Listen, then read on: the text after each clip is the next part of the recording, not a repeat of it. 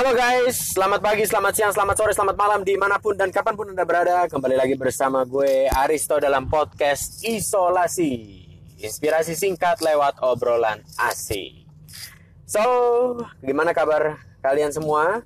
Uh, gue berharap kita semua punya kabar yang baik-baik Dan semakin baik lagi, semakin sukses setiap waktunya ya.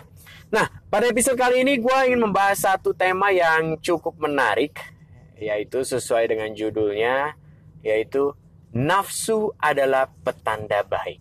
Wah, gila. Kalau suara seksinya nafsu adalah petanda baik. Kenapa nafsu itu petanda baik? Itu yang akan gue akan sedikit sharing kepada lulus semua. So, pastikan stay tune di podcast gue. Ialah stay tune kalau udah play. Jangan ke mana-mana gitu maksudnya. Jangan stop. Dengarkan sampai habis siapa tahu apa yang gue sharingkan ini bisa berguna dan bermanfaat untuk uh, teman-teman semua. So, langsung aja. Nafsu adalah petanda baik. Kita semua sebagai manusia nggak bisa dipungkiri pasti masih punya nafsu bro, ya kan? Mulai dari nafsu makan, lalu nafsu kalau mau beli barang uh, nafsu gitu ya nafsu pengen beli barang.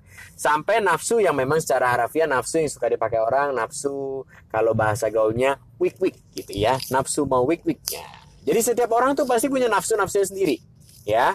Setiap orang pasti punya nafsu nafsu sendiri. Apa itu nafsu? Nafsu itu sebetulnya keinginan yang sangat tinggi intensitasnya ya jadi kalau lu lagi ingin sesuatu atau lagi pengen sesuatu dan level itu tinggi, level keinginan lu tinggi banget, lu pengen banget, maka lu dikategorikan sedang nafsu. Ya, nafsu. Nah, cuman sering kali nafsu ini tuh dikonotasikan negatif atau buruk. Kasihan sih si nafsu ini ya. Jadi kalau nafsu itu dikonotasikan uh, negatif gitu ya. Misalnya Nafsu makan berlebihan, wah negatif. Tidak nafsu makan, jadi negatif. Ya benar juga. Jadi nafsu itu biasanya eh, di selalu dikait-kaitkan dengan hal yang eh, kurang baik, negatif gitu ya.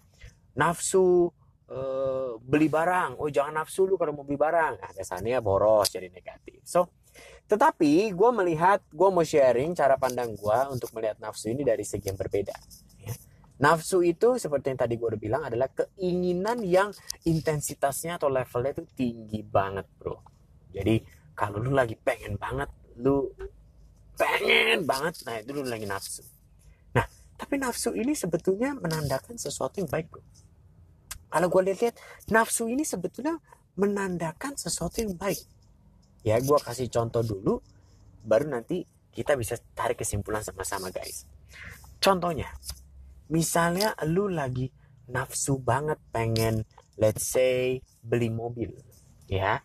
Let's say lu nafsu banget uh, pengen beli mobil model A gitu ya.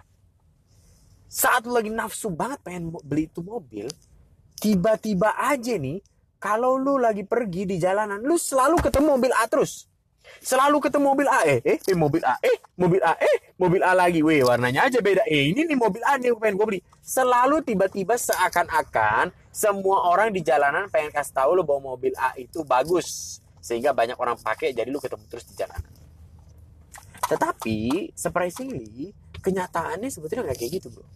Kenyataannya, sebelum lu nafsu beli mobil A pun, mobil A itu udah banyak di jalanan, bro.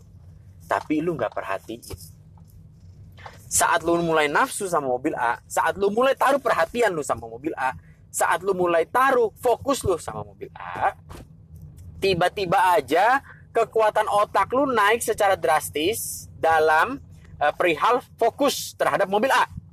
Sehingga apa? Otak lu otomatis memfilter mobil-mobil yang di jalanan. Kalau bukan mobil A kagak kelihatan, kalau mobil A meskipun jauh pun kelihatan. So, dengan kata lain gue boleh bilang kalau lagi nafsu berarti tingkat fokus lu tuh lagi tinggi banget bro. Otak lu bekerja secara maksimal dalam perihal fokus dan filterisasi. Sehingga yang nggak penting jadi nggak terlihat. Sedangkan yang penting jadi kelihatan. Meskipun jauh dari jauh aja lu bisa lihat. Tuh kan mobil A, tuh kan mobil A, tuh lihat tuh. Lampu merah sebelah sana ada mobil A lagi ngantri. Bahkan yang jauh pun jadi terlihat.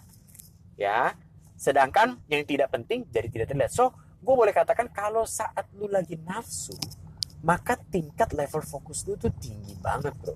Sehingga otak lu bisa bekerja dengan sangat sistematis sekali memisahkan uh, antara keinginan lu dengan yang uh, hal yang biasa-biasa atau hal yang tidak lu inginkan. Ya. Dari dari cerita yang barusan gue cerita, ini menandakan bahwa apa? Saat lu lagi nafsu, bro, pikiran lu fokusnya tinggi terhadap apa yang lagi lu nafsuin. Kalau tadi lagi kebetulan nafsunya lagi lihat mobil A, maka pikiran lu level fokusnya tinggi sekali terhadap mobil A. Sehingga ke mana pun lu berada, lu selalu lihat keberadaan mobil A. Dan itu semakin meyakinkan lu bahwa mobil A memang pilihan gue yang tepat. Dan semua orang sudah pakai mobil A, sehingga gue tidak ragukan lagi. See?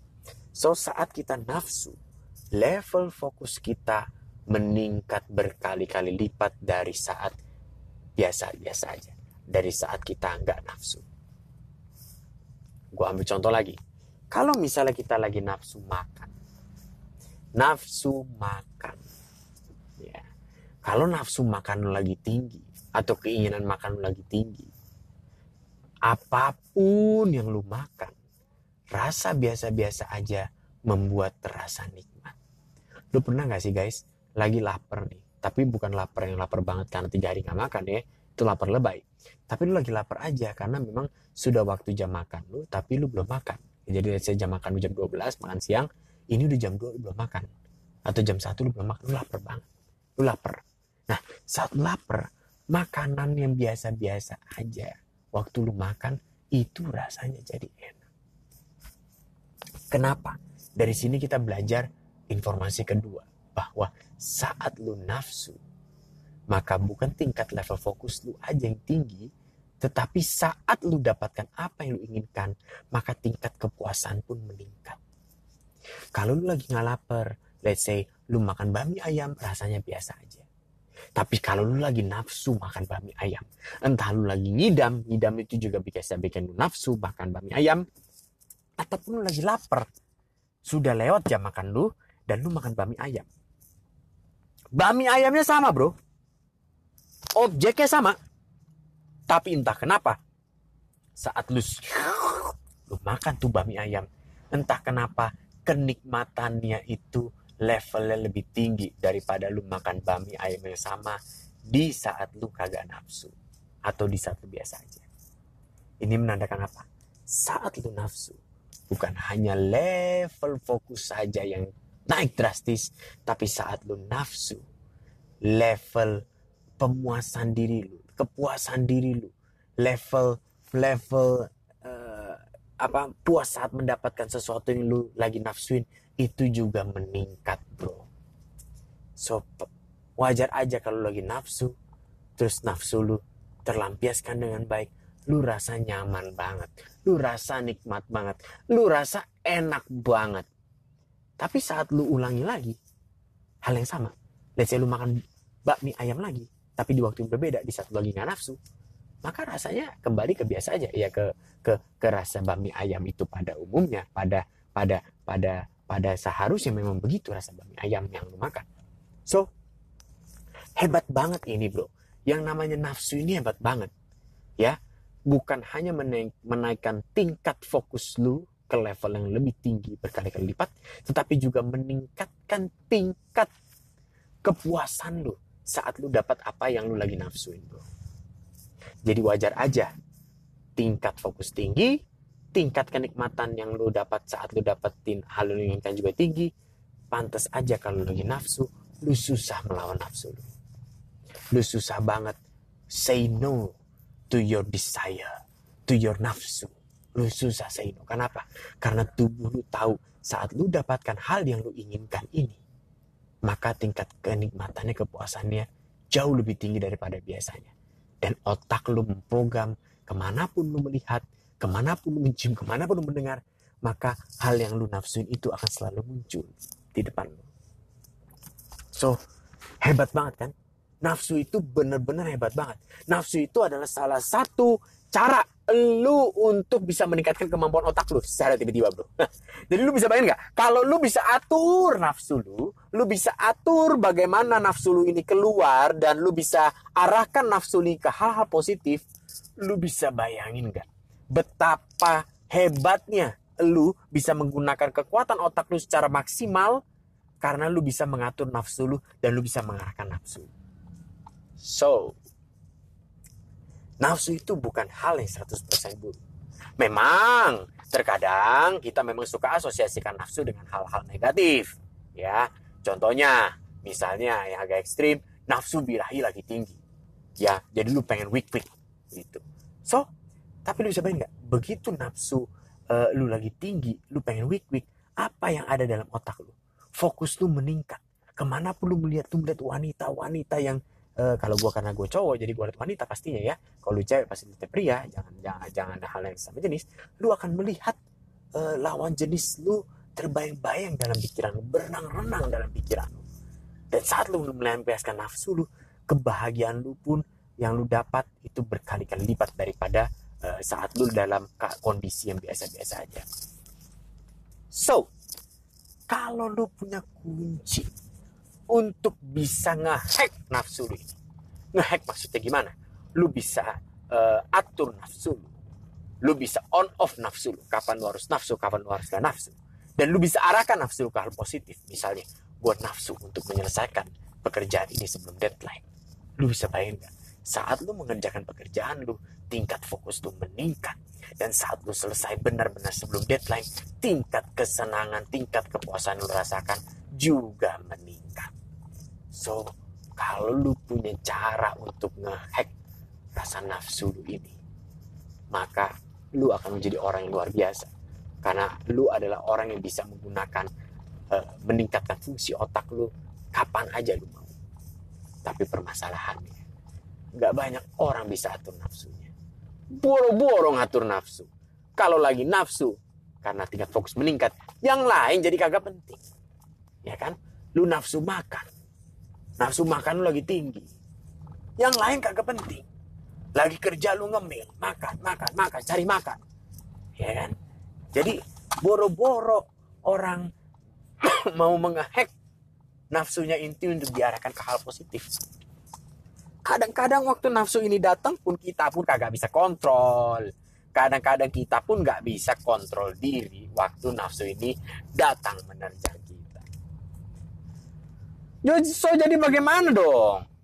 Gue udah tahu nih nafsu ini tuh uh, bisa membawa hal positif, bisa meningkatkan kinerja otak mengenai, mengenai hal fokus, bisa meningkatkan tingkat kepuasan yang gue dapat kalau gue uh, mendapatkan apa yang gue inginkan, lebih senang. Tapi gimana gue gimana cara ngaturnya? Sebetulnya ada sana cara ngaturnya. Ada cara yang lo bisa pakai untuk mengatur nafsu lu itu seperti apa. Tapi ini kalau gue beberkan panjang banget pastinya. Ini akan bakal panjang banget. Tetapi gue akan e, buat sesederhana mungkin dan sesingkat mungkin. Ya. Kalau lu mau jawaban yang lebih mantap, lu boleh DM gue. Lu boleh hubungi gue. Kita bisa ngobrol-ngobrol, kita bisa ngobrol-ngobrol langsung dan gue bisa e, paparkan lebih lebih luar biasa, lebih dalam dan lebih lengkap karena kalau gue paparkan sekarang, bibir gue bisa berbusa karena ini cukup panjang. Tapi gue bisa uh, rangkum singkat seperti ini. Nafsu itu adalah keinginan yang sedang tinggi level intensitasnya. Kenapa lu bisa tinggi keinginannya? Pasti sebelum keinginan itu tinggi, ada rangsangan-rangsangan yang masuk ke dalam pikiran lu.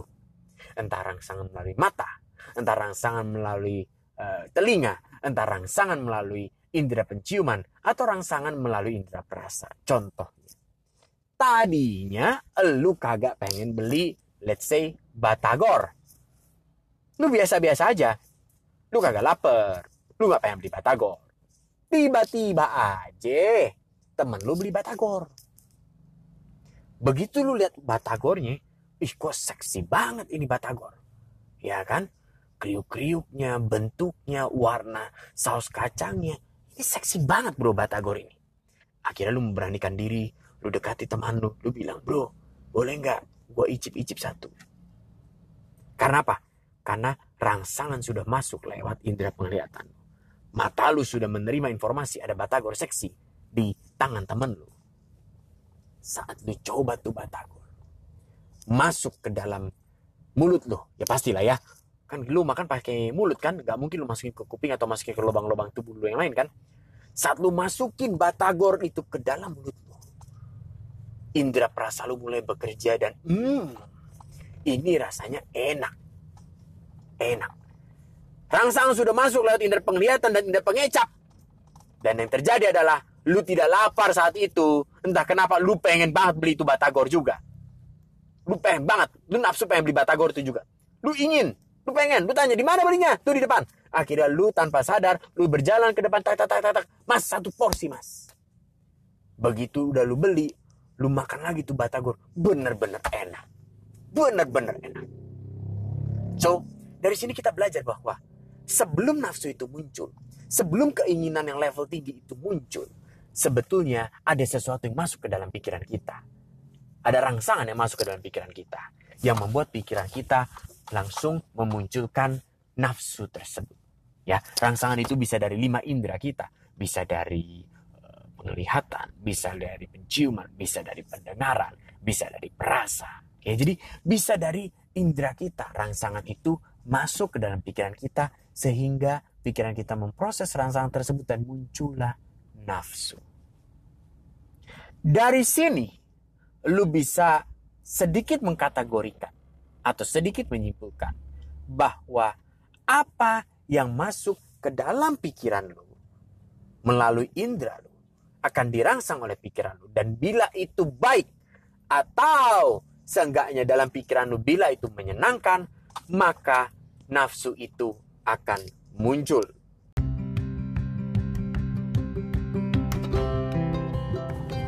So, kalau kita sudah mengetahui salah satu kunci ini bahwa apa yang masuk ke dalam pikiran melalui lima indera itu bisa membuat nafsu.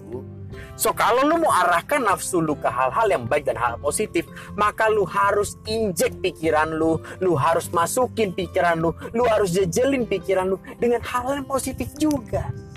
Dengan hal positif, let's say gua kalau punya banyak duit lihat tuh dia punya banyak duit dia bisa beli ini beli itu so gua harus rajin kerja gua harus rajin cari duit sehingga gua bisa punya banyak duit dan gua bisa beli apa yang gua mau lihat, lu injek dengan hal-hal yang positif sehingga pikiran lu memproses itu dan menjadikan lu nafsu untuk bekerja. Let's say kalau lu nafsu, uh, lu pengen arahkan nafsu lu untuk bekerjanya lu rajin dan tekun. So, dengan kunci yang kita tahu ini, apa yang masuk ke dalam pikiran kita melalui gerbang lima indera ini bisa menentukan arah nafsu. Maka mulai dari sekarang mari kita berlatih untuk mengecek dan memfilterisasi apa yang masuk ke dalam pikiran kita. Kalau yang masuk itu baik-baik semua, maka kita akan punya nafsu yang baik. Kalau kita masuk yang buruk-buruk semua, yang seksi-seksi tanda kutip, maka nafsu kita pun akan tidak jauh dari yang masuk itu juga. So, mulai dari sekarang guys, cobalah kita belajar melatih diri. Gue pun juga masih melatih diri untuk memasukkan segala sesuatu yang masuk ke dalam pikiran kita, kita filter yang baik-baik. Supaya apa? Supaya nafsu yang muncul dalam pikiran lu adalah hal yang baik. Karena nafsu itu adalah hal yang baik kalau kita arahnya baik. Pertama, bisa meningkatkan tingkat fokus lu berkali-kali lipat. Dan kedua, bisa menimbulkan rasa happy, rasa kepuasan yang lebih tinggi saat lu mendapatkan apa yang diinginkan. So, semoga apa yang gua bagikan bisa berguna dan bermanfaat untuk kalian semua, lulu yang lagi dengar, di mana pun anda berada dan di kapan pun anda berada. Dan pastikan subscribe channel Isolasi, inspirasi singkat lewat obrolan asik, dan sampai jumpa di episode selanjutnya. Dan mari kita bernafsu-nafsu ya. 拜拜。